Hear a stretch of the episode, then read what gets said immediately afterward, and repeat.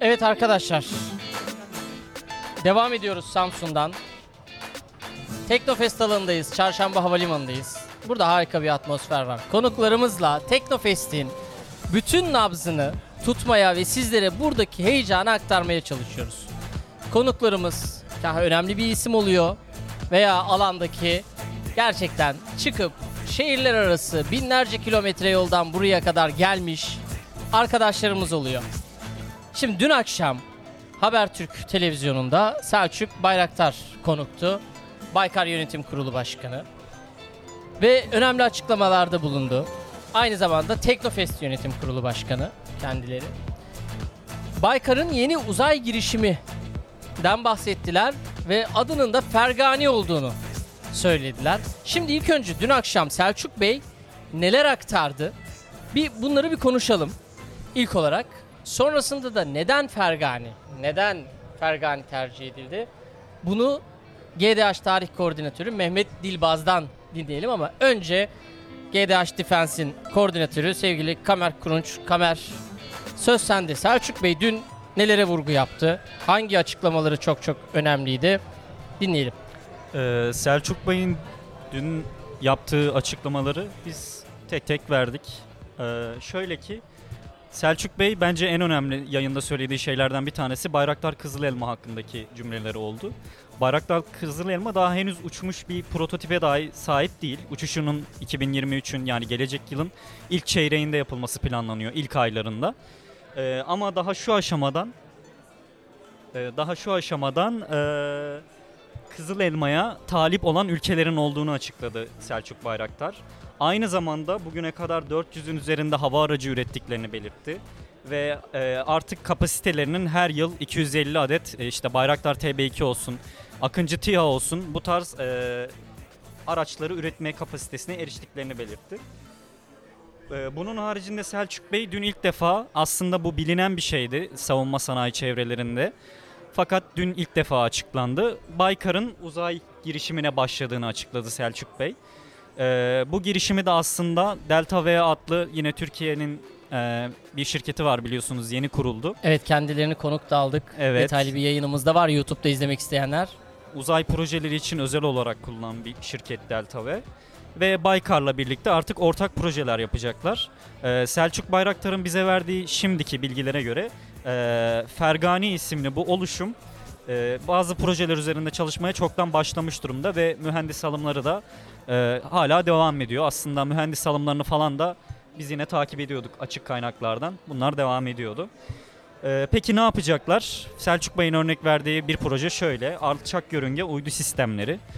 Benim burada anladığım alçak yörünge uydu sistemlerinden yer gözetleme uyduları olabilir, istihbarat uyduları olabilir, keşif uyduları. Ve aynı zamanda şöyle bir şeyden bahsetti Selçuk Bey. Yeniden kullanılabilir uzay araçlarından bahsetti.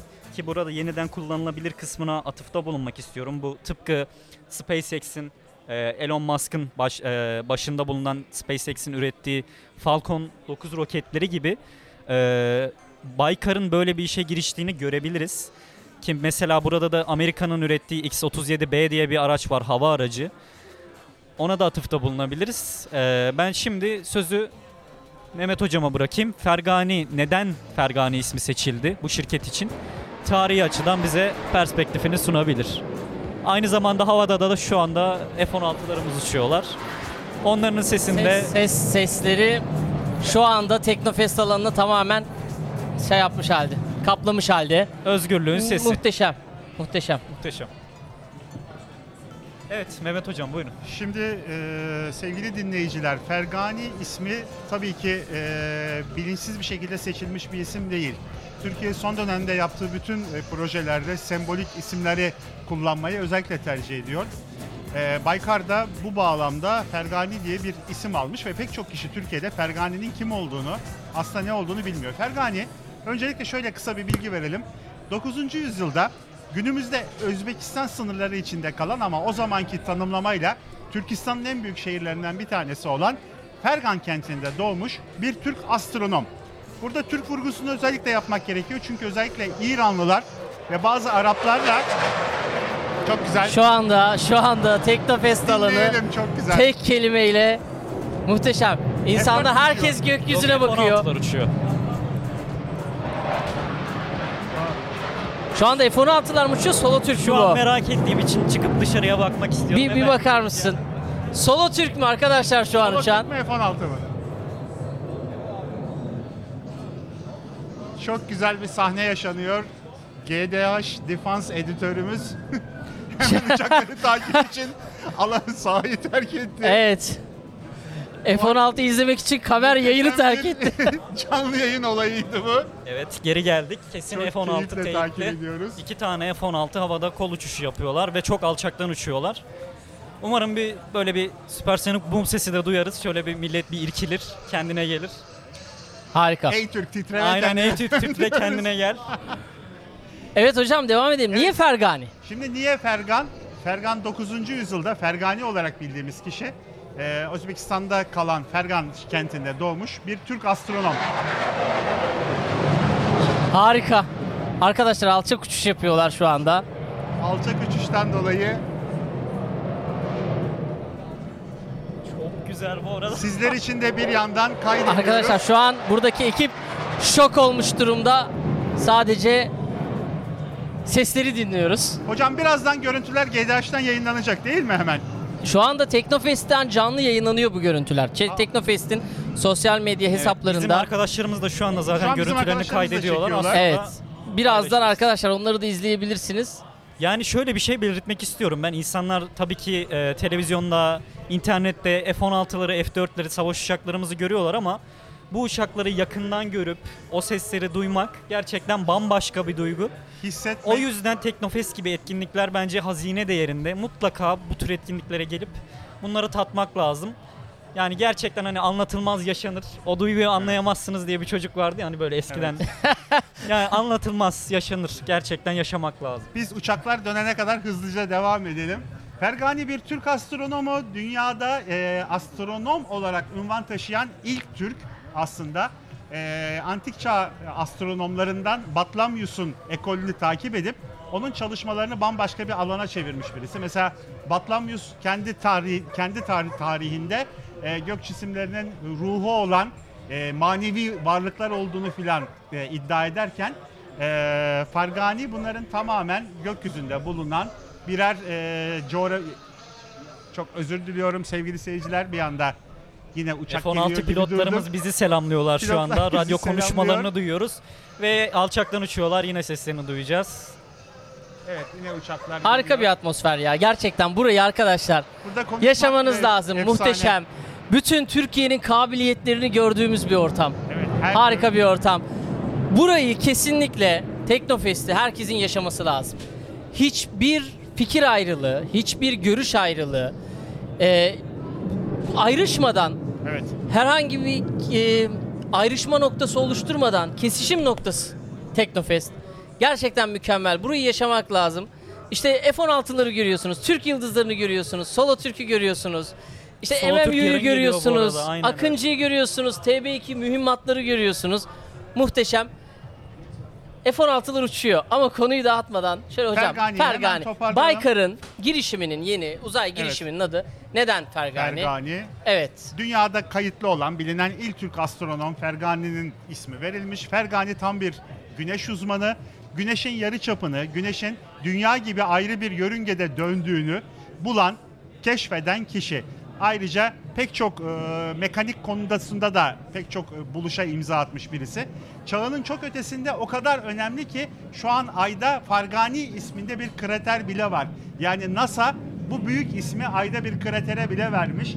Ee, aynı zamanda Nil Nehri civarında da bazı çalışmalar yapıp Nil Nehri'nin taşkınlarını hesaplayan Nilometre isimli bir düzeneyi de bulan, bunu da icat eden hem matematikçi hem de hem de astronom. Yani kısacası e, Baykar'ın seçtiği isim hiç e, boş bir Tesadüf isim değil. değil. Aslında Tesadüf seçilen değil. hiçbir isim tesadüf değil. Kesinlikle tarihin yani e, ilk Türk astronomu ama en kıymetli Türk astronomu olarak kabul edilebilir.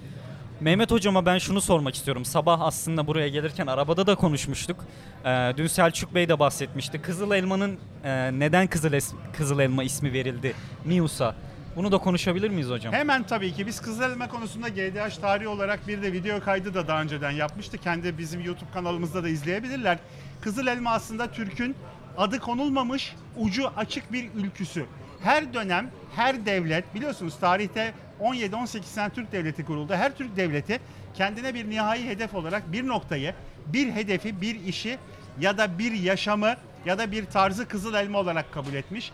Bu bir dönem bir devlet olmuş, bir dönem bir coğrafi bölge olmuş, bir dönemde şehir olmuş. Fatih Sultan Mehmet kendi Kızıl Elmasını Konstantinopolis olarak seçmişken oğlu Cem'in hedefi eğer tahta çıksaydı Vatikan olacaktı. Kanuni Sultan Süleyman'ın Kızıl Elması Budin yani Budapeşte şehriyken onun oğlu tahta çıkamayan Şehzade Mustafa'nın ise Kızıl Amerika'ydı. Elması Amerika kıtasıydı. Türk'ün Kızıl Elması hiç bitmiyor. Biz GDH tarihi için çektiğimiz videoda özellikle şunu vurgulamıştık. Günümüzdeki Türk devletinin Kızıl Elması artık dünyevi bir şey değil, dünyada bir şey değil. Artık uzay demiştik. Bizim bu videomuzda aynen söylemiş olduğumuz öngörüler günümüzde Fergani projesiyle ortaya çıktı. Evet artık dünya bize küçük geliyor. Sayın Cumhurbaşkanımızın dediği gibi dünya 5'ten büyüktür. Aslında dünya hedefler içinde artık çok küçüktür. Bundan sonraki hedefler 2023'te uzaya ilk Türk astronotunu yollamak ve uzayda daha bundan 100 sene önceki dönemde aydaki kraterlere ismi verilen Fergani'nin belki Fergani adına bir uydu, bir inşallah diyelim bir uzay istasyonuyla Türkiye'yi, Türk bayrağını, Türk yıldızını gökyüzünde en tepelerde görmektir. Evet Selçuk Bey'in de dün söylediği gibi göklerine hakim olamayan uluslar kendi vatanlarını koruyamazlar. Bu da aynı şekilde gelecekte uzay için de geçerli. Pek Bir çok şey- ülkenin buna çalıştığını zaten biliyoruz. Bir Sırada şey ilave etmek istiyorum. Ee, bilmeyen seyircilerimiz için 1990'larda dü- e, şey dü- 1990'lı yıllarda uzayda e, her devlete ayrı bir e, hat, ha- e, farklı bir derece tahsis edildi ve o dereceye eğer uydu fırlatmazsanız o dereceyi başka bir komşu devletinize devretme gibi bir konu vardı. Hiç unutmuyorum bizim yaşımız uygun. Türk devleti o zaman TürkSat projesine uygulamada geç kaldığı için o hattın Yunanistan'a ya da Bulgaristan'a devredilme yani o 42. derecede dönen Türk uydularının frekansı bile kaybetme gibi bir tehlikeyi biz yaşamıştık. Düşünün ki şu an Türkiye'de şu an Türkiye'nin uzayda seri bir şekilde 4A, 3A, 5A gibi uyduları var. Göktürk var. Kendi uydularımızı belki bu projede kendi uydularımızı fırlatacağız. Şunu vurgulamak istiyorum. Bir zamanlar uzaydaki bize tahsis edilen kanalı, hattı yani o yörüngeyi bile kaybetme durumundan geldiğimiz noktaya bakın. Az önce çok önemli bir şey söylediniz ya. e, Kuruluş Osman diye bir filmi vardı. E, TRT'nin. Çok eski. Orada Osmanlı İmparatorluğu'nun kuruluşu Ertuğrul Gazi Osman Bey'e e, işte bey seçildiğinde Osman Bey birçok nasihatte bulunuyor. E, ama onun hemen öncesinde de e, Şeyh Edebalı ile Osman Bey'in karşılaşması tasvir Muazzam edilmiş. hikayedir. Şeyh Edebalı orada Osman Bey'e şunu diyor. Osman Bey ısrarla dünya ne kadar büyük diyor. Göçlerden bahsediyor. O göçler sırasında kaybedilen işte analardan, evlatlardan bahsediyor.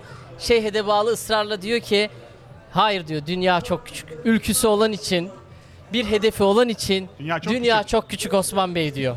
Dünya senin zihninde büyük eğer büyükse diyor. Bugün sanki Türkiye değil mi? Bu Milli Teknoloji Hamlesiyle, Evet. Teknofest'le bunu Ufkumuz- tekrar yaşıyor. Yani bizzat yaşıyoruz.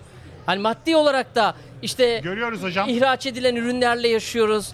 İşte dünyada bu kadar sıkışılmışlık varken, bu kadar savaşlar varken e, bir tarafta mesela Ukrayna'nın işgali çok büyük bir ibret, çok büyük bir ibret ve e, Ukrayna ile birlikte bütün dünya Türkiye'yi tekrardan konuşmaya başladı. Şunu ilave etmek isterim müsaadenizle eğer vaktimiz varsa.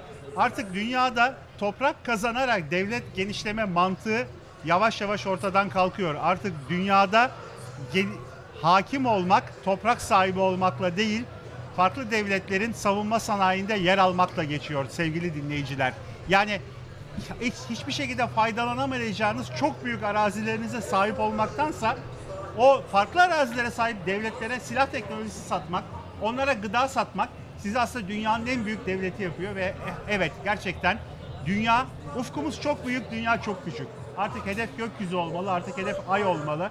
Farklı gezegenler olmalı, farklı boyutlar olmalı. Evet. Bu arada Baykar'ın uzaya girme hikayesi de şöyle. e, Baykar İHA ve SİHA'lardan elde ettiği deneyim, tecrübe ve e, aslında yüksek gelirler sayesinde artık uzay alanına da girme e, inisiyatifini aldı. ve Delta V şirketiyle bu girişimi kurdu. Artık hayırlı uğurlu olsun diyelim. Sevgili Sonuçlarını Kamer, net olarak göreceğimize eminim. ben sana bir soru sormak Tabii istiyorum. buyur hocam. Geçen sene eğer yanılmıyorsam, hafızam beni yanıltmıyorsa ya Elon Musk Türkiye'ye gelmişti ya da Sayın Geldi, Cumhurbaşkanımızla geldi. bir görüşme. Burada e, biraz önce senin bahsettiğin bu SpaceX roketleri gelecekte böyle bir projenin ön hazırlığı olabilir mi? Böyle bir duyumun var mı acaba? Ee, şöyle ki Selçuk Bey aslında dün Kübra Hanım sordu Kübra Par. Dedi ki siz e, Elon Musk'ın Türkiye'ye geldiğini biliyoruz. Siz onunla görüştünüz mü? Ya da o sizinle görüşme talebinde bulundu mu diye. Selçuk Bey de hayır böyle bir şey olmadı dedi. Yani Elon Musk'la görüşmediğini biliyoruz Selçuk Bey'in. Ki zaten o dönem Baykar'ın uzayla ilgili hiçbir girişiminin olduğu Tabii. da bilinmiyordu kamuoyunda. Şöyle ki yani bu SpaceX'in Falcon 9 roketlerini görüyorsunuz. Adamlar artık patır patır indiriyorlar o roketleri. Ya sanki böyle filmden fırlamışçasına sahnelerle önünüzde bir anda roketler otomatik bir şekilde, otonom bir şekilde denize iniyorlar. Denizin ortasında kurulan platforma milimetrik yani hatalarla yani artık gözden görülmeyecek derecelerde Tabii hareketli suyun üzerindeki hareketli gemiye deniz platformlarına inanılmaz bir şey. Sevgili Kamer bir de eskiden eski tip e, hani Amerika ve Sovyetler Birliği döneminde gönderilen uydular belli bir noktadan yörüngeye çıkmak zorundaydı. Mesela işte e, Kazakistan'daki Baykonur uzay üssü gibi. Aynen. Bu bu tip Bunlar bu hala tip geçerli teknolojide aslında. Hala mı yoksa mesela ileride sadece misal ve bilmediğim için soruyorum. Türkiye toprakları üzerinden bir roket fırlatımı olmayacak anladığım kadarıyla. Çünkü Şöyle, e, evet yörüngeye uzak olduğumuz için Türkiye'den biz fırlatmayı pek planlamıyoruz. Hatta bunun için çeşitli ülkelerle görüşüldüğünü biliyoruz. E, ekonomik olmuyor değil mi? Evet Türkiye'den ekonomik fırlatmak? olmuyor. Ben bununla ilgili bir, bir yazı yazdığımı hatırlıyorum ama şu anda net olarak bildiğim Çok fazla yakıt harcıyormuş. Ekvatora ne kadar yakınsanız o kadar avantajlısınız uzaya bir şey fırlatırken. O yüzden de Türkiye örnek vermek gerekirse kendimize dost ve müttefik olarak gördüğümüz ve Venezuela. Türkiye'nin dışarıdaki yani yabancı bir ülkedeki en büyük askeri üssünün olduğu Somali'de böyle bir e, uzay üssü kurmayı planlıyordu en son. Oh, harika. Bunun içinde pek çok ülkeyle görüşüyoruz. Sadece Somali'de değil. En uygun olanı Türkiye seçecektir sanırım ama Türkiye bunun için pek müsait konumda bir ülke değil. Yani Tabii. coğrafi konumumuz bunu birazcık daha e, Ekvator ekonomik çizgisinde olarak daha maliyet yakın. etkin kılmadığı için daha iyi alternatiflere yönelmemiz gerekiyor sanırım. Ki bunu zaten diğer ülkelerde yapıyor. Biliyorsunuz Tabii. Fransız Gayana'sı var. Tabii. Oradan roketler fırlatılıyor.